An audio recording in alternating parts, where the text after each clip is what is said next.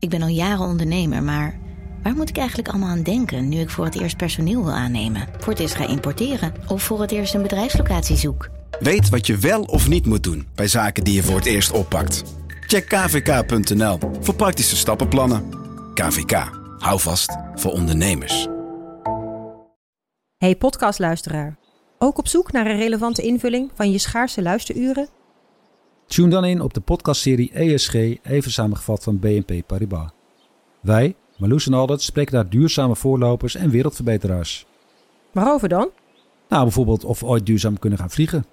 En waarom koeien in de stad nou een goed idee is? Dat en meer elke twee weken in een nieuwe aflevering. Dus abonneer je.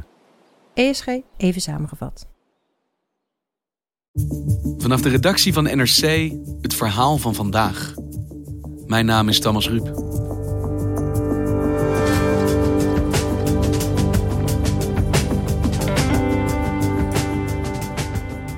Had de reis van hun leven moeten worden.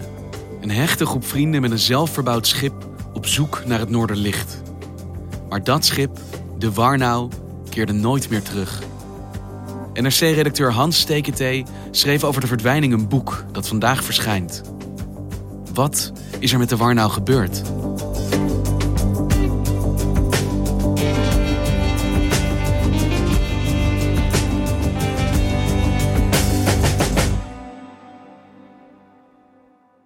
Voor mij begon dit verhaal met een bericht dat 29 april 2013 op teletext verscheen. Nederlandse zeilboot vermist. De kustwacht van Aberdeen slaat alarm over een Nederlandse zeilboot met drie Nederlandse opvarenden. Het schip vertrok vanuit Schotland naar Noorwegen met drie Nederlanders aan boord. Het laatste contact met de drie vermiste bemanningsleden was op 17 april. En het had 22 april in Noorwegen moeten zijn. Maar kwam nooit op zijn bestemming aan. De Nederlandse kustwacht is ook op zoek naar de boot. Hans Steketee schrijft voor NRC over maritieme zaken en is zelf ervaren zeezeiler. Nou ja, het gebeurt natuurlijk niet vaak dat er een zeiljacht vermist is uh, met, uh, met zoveel mensen aan boord. Dat is een potentieel een, een gevaarlijke situatie. Het was bovendien uh, op de noordelijke Noordzee tussen Schotland en Noorwegen. En daar kan het behoorlijk spoken. Dus als daar een schip vermist is, dan begin je wel zorgen te maken, ja. Want jij kent dat succes. Jij weet dat nee, dat een gevaarlijk heb, stuk is. Ik weet dat het gevaarlijk is, maar ik heb daar nooit, uh, uh, nooit gevaren. Dat zou ik ook niet zomaar doen trouwens.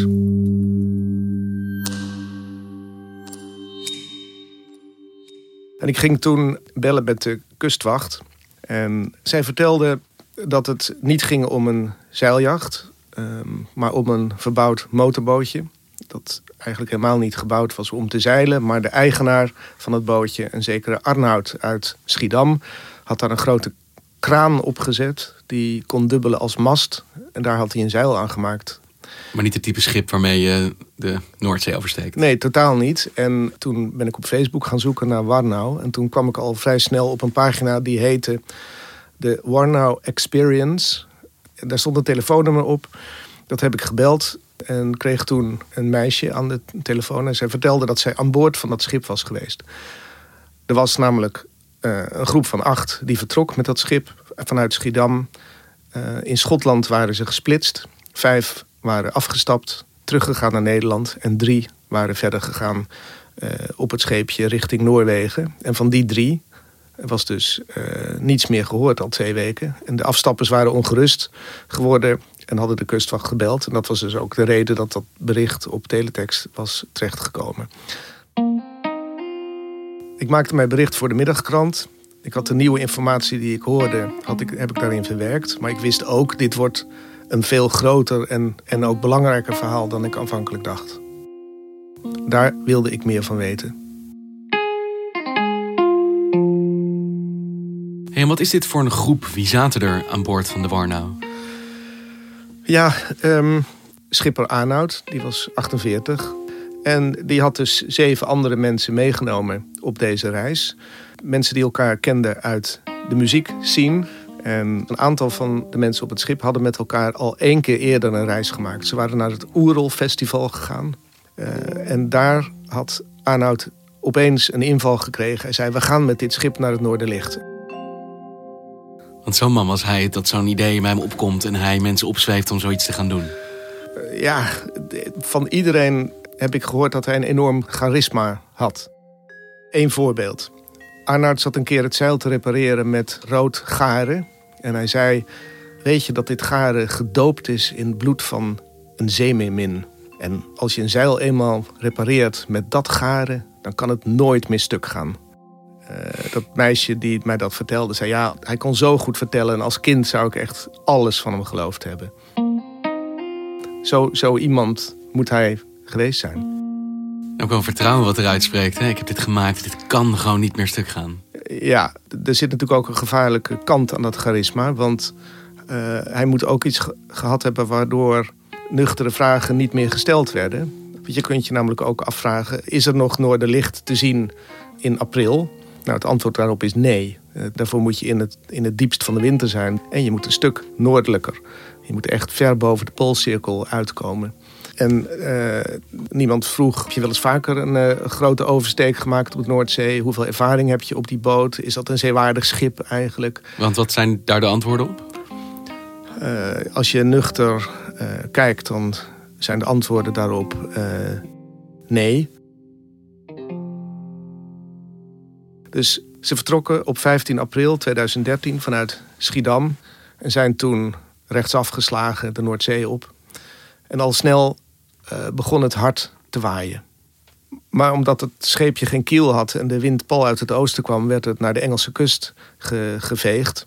En aan het eind van een erg wilde nacht met windkracht 10 en enorme golven bij het eerste daglicht en vijf dagen op zee, zeiden ze: Nu hebben we genoeg gehad. Iedereen was natuurlijk misselijk en moe en wilde dat er een eind zou komen aan die verschrikkelijke golven. En wat ze toen gedaan hebben is via de boordradio, de marifoon, de kustwacht gebeld. En de Britse kustwacht heeft de reddingboot opdracht gegeven om vanuit Whitby uh, naar hen toe te varen. How many POB have they got? Eight, nine. En toen dat bericht bij ze binnenkwam, hadden zij door: dit is ernstig dat er nu op dit moment een, een schip op drift ligt voor onze kust? Uh, ja, de, de schipper van de reddingboot vertelde mij mijn eerste gedachte was, dat schip hoort daar niet te zijn. Hij wist dat dat schip zo dicht bij zijn haven was dat het gevaar liep om op de rotsen te slaan. Als je de beelden ziet die de reddingmaatschappij daarvan gemaakt heeft... dan reizen de haren te bergen. De reddingboot die kijkt dan weer van boven op een golf op de Warnau neer. En dan weer zie je alleen maar het puntje van de Warnau boven een golf uitsteken. Dus ze moeten ze daar weghalen, weg uit deze wilde zee? Ja, ze slagen erin om een uh, sleeptros vast te maken aan de Warnau. En ze slepen dat schip een mijl of twintig naar het noorden. Uh, en daar komt een andere reddingboot, komt ze aflossen. En die sleept de Warnau uiteindelijk een stuk de rivier op naar de stad Middlesbrough. Ze zijn gered? Ja. En wat zijn ze gaan doen, eenmaal in Engeland? Uh, ze gingen de wal op met hun muziekinstrumenten en zijn bij het eerste beste café dat ze tegenkwamen, zijn ze naar binnen gegaan. Uh, en hebben daar de boel binnen de kortste keren op stelte gezet. In die club werd muziek gedraaid, house en elektronische beats. En zij begonnen met hun instrumenten over die muziek heen te spelen. Arnouds saxofoon, Peter met zijn koebel en het dak vloog eraf. Het was iets fenomenaals, vertelde de eigenaar van het café mij. Die zei, het is, we dachten eerst van, we doen deze lui hier. Maar en het was echt een ontlading van energie. Als we het in flessen konden stoppen, dan zouden we het verkopen, vertelde hij. En ze blijven twee weken in uh, Middlesbrough om de reparaties te doen. En dan varen ze weg, dan varen ze naar het noorden. Maar daar is toch de twijfel toegeslagen. Een aantal wilden weer terug. En uh, Jesse, een van de jongens die aan boord was, die vertelde dat ze toch door die redding bij Whitby waren gaan twijfelen. Uh, dat had, hij zei dat had niet mogen gebeuren. Dus er moest een beslissing genomen worden? Ja, en dat leidde ertoe dat ze in Montrose zijn gaan praten als groep. En een deel van de groep zei: Ja, wij willen eigenlijk die Noordzee-oversteek niet maken. Wij vinden dat onverantwoord. Wij willen eigenlijk terug naar huis varen. En dat is een fikse ruzie geworden. Maar uiteindelijk heeft Arnoud ingebonden en gezegd van... oké, we gaan terug als groep, samen uit, samen thuis. Maar als compromis zouden ze nog een klein stukje naar het noorden varen. Eén haven verder, Stonehaven. En dat hebben ze gedaan. Ook daar speelden ze in een café. Dat was een groot succes. En op de laatste avond zei Arnoud dat hij zich bedacht had... dat hij toch aan die oversteek wilde beginnen. Toch naar Noorwegen? Toch naar Noorwegen. En Peter, de drummer, zou met hem meegaan. En Terza, zijn vriendin, zou ook meegaan. Terza was de helft van een tweeling. Dana was haar tweelingzus. En die was ook mee aan boord. En dit betekende dus dat Terza op reis zou gaan en dat Dana zou teruggaan. Dat de twee zusters, allebei 25 jaar oud, eh, die eigenlijk hun hele leven alles hadden gedeeld op die kade in Stonehaven, eh, afscheid van elkaar genomen hebben.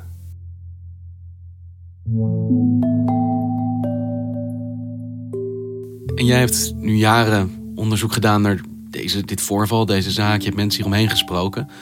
Ben jij dat besluit gaan begrijpen om toch door te vragen, ondanks alles wat hiervoor gebeurd was, ondanks die riskante redding bij Engeland? Ik heb voor mijn boek geprobeerd uh, erachter te komen wat voor iemand Arnoud was. En ik heb ontdekt dat hij iemand was die heel vaak grenzen opzocht. Hij deed dingen die misschien op het randje waren, uh, maar dat, dat maakte ze in zijn ogen spannend. Dingen zoals wat? Nou ja, om maar één ding, één belangrijk ding te noemen. Aan het eind van zijn middelbare schooltijd, jaren tachtig, uh, is hij drugs gaan gebruiken, zoals veel mensen. Uh, maar hij was ook iemand die zei: Ik wil eigenlijk wel eens weten hoe het is om heroïne te gebruiken. Gewoon een keer om te proberen. Ik moet weten hoe dat is, een shot heroïne. En verslaafd? Nee, ik word natuurlijk niet verslaafd. Dat overkomt mij niet. Maar hij is wel degelijk verslaafd geraakt. En welke wending heeft zijn leven genomen vanaf daar? Ik denk dat hij in totaal een jaar of tien straatmuzikant geweest is, verslaafd. Uh, en op, op enig moment heeft hij besloten dat het genoeg was. En heeft zich toen laten behandelen in een afkikcentrum. En het is hem uiteindelijk gelukt om clean te worden. Maar ja, een van de dingen die je wel eens hoort is... je kunt wel de verslaving wegnemen... maar je kunt veel moeilijker de oorzaak van de verslaving wegnemen. En ik heb eerlijk gezegd het gevoel dat hij de heroïne ver vervangen heeft door iets anders. Uh, namelijk de droom om met zijn schip erop uit te gaan. Dat werd zijn nieuwe verslaving en dat heeft hij ook wel zo gezegd tegen zijn vrienden. En dat was de Warnow? Dat was de Warnow. En toen hij eenmaal in Stonehaven was en geconfronteerd werd met de, de onwil van de anderen om verder te gaan, dat zou betekend hebben dat hij zijn droom niet kon verwezenlijken. Dat hij moest opgeven? Dat hij moest opgeven, dat misschien dat hij gezichtsverlies zou lijden, vooral tegenover zichzelf. Wat hier gebeurd is, weet ik niet, maar ik denk dat Arnoud in Stonehaven minder gedacht heeft aan de groep dan aan zichzelf.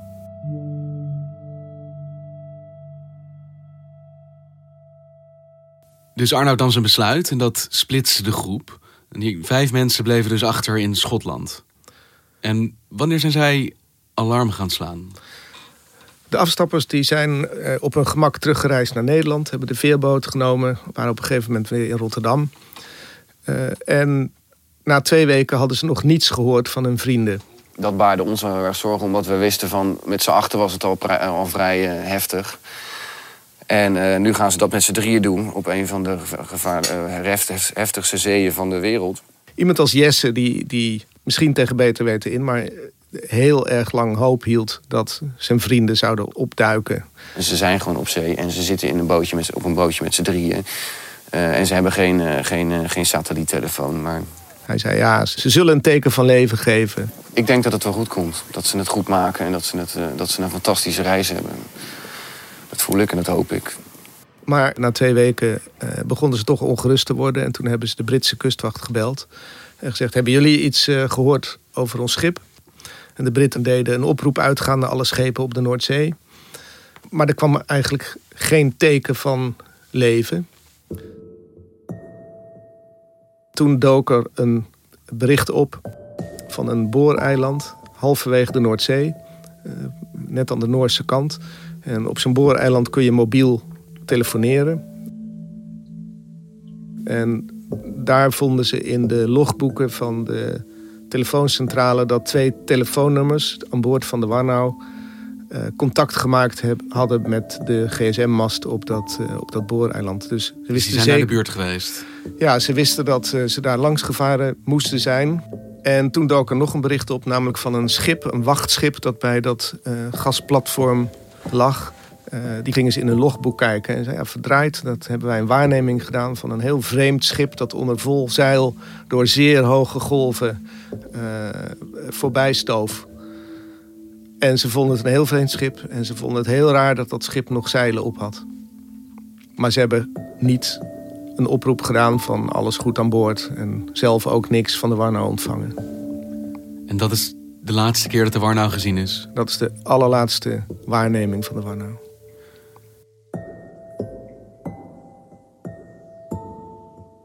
Het is nu zes jaar later en er is sindsdien geen spoor van het schip gevonden. Geen wrakhout, geen lichaam, geen aanwijzing waar het schip heen gevaren zou kunnen zijn. Geen aanwijzing dat het na die laatste waarneming nog dreef. En de kustwachten zijn er, gaan ervan uit dat het schip uh, kort na het passeren van dat uh, gasplatform uh, een catastrofaal ongeluk gehad moet hebben. Hoe is dat voor die achterblijvers, voor die groep van vijf die besloten niet mee te varen? dat is natuurlijk verschrikkelijk die, ze kunnen de periode van rouw eigenlijk niet afsluiten. En uh, psychologen hebben daar ook een, een naam voor. Dat heet het trauma van dubbelzinnig verlies. Dat je, dat je eigenlijk niet... Uh, je blijft gestold eigenlijk in je verdriet... zolang, zolang je niet zeker weet wat er gebeurd is... en zolang je het, het lichaam van, van de doden niet hebt gezien. En, uh, en dat is natuurlijk bij uitstek wat er gebeurt met mensen die op, op zee zijn gebleven. Hey, en Hans, dit begon zes jaar geleden voor jou dus met een klein bericht. En inmiddels heb je er een heel boek over geschreven dat vandaag verschijnt. Waarom is dit nou het verhaal geweest dat jou zo heeft aangegrepen, waar jij zo in hebt vastgebeten? Ik wilde. Ik was geïntrigeerd door de figuur uh, Arnoud, dat om te beginnen. Uh, ik wilde weten wat voor figuur was dat. Want ik herkende bij hem iets wat ik zelf ook heb. Dat is liefde voor de zee. Ik, ik snap zijn avontuur en ik snap ook uh, het verlangen om zo'n grote stap in het onbekende te maken. Tegelijkertijd denk ik dat je niet alleen maar liefde voor de zee kunt voelen. Ik denk dat je, uh, als je op zee gaat, dat je niet alleen de zee mooi en, en, en romantisch moet vinden, maar dat je ook een beetje angst moet hebben, of in ieder geval ontzag voor de zee, want de zee is meedogenloos. En ik heb sterk het gevoel dat Arnoud iemand was die zijn hele leven eigenlijk voor niks en niemand ontzag had. En uiteindelijk ook niet voor de zee. Dankjewel, Hans.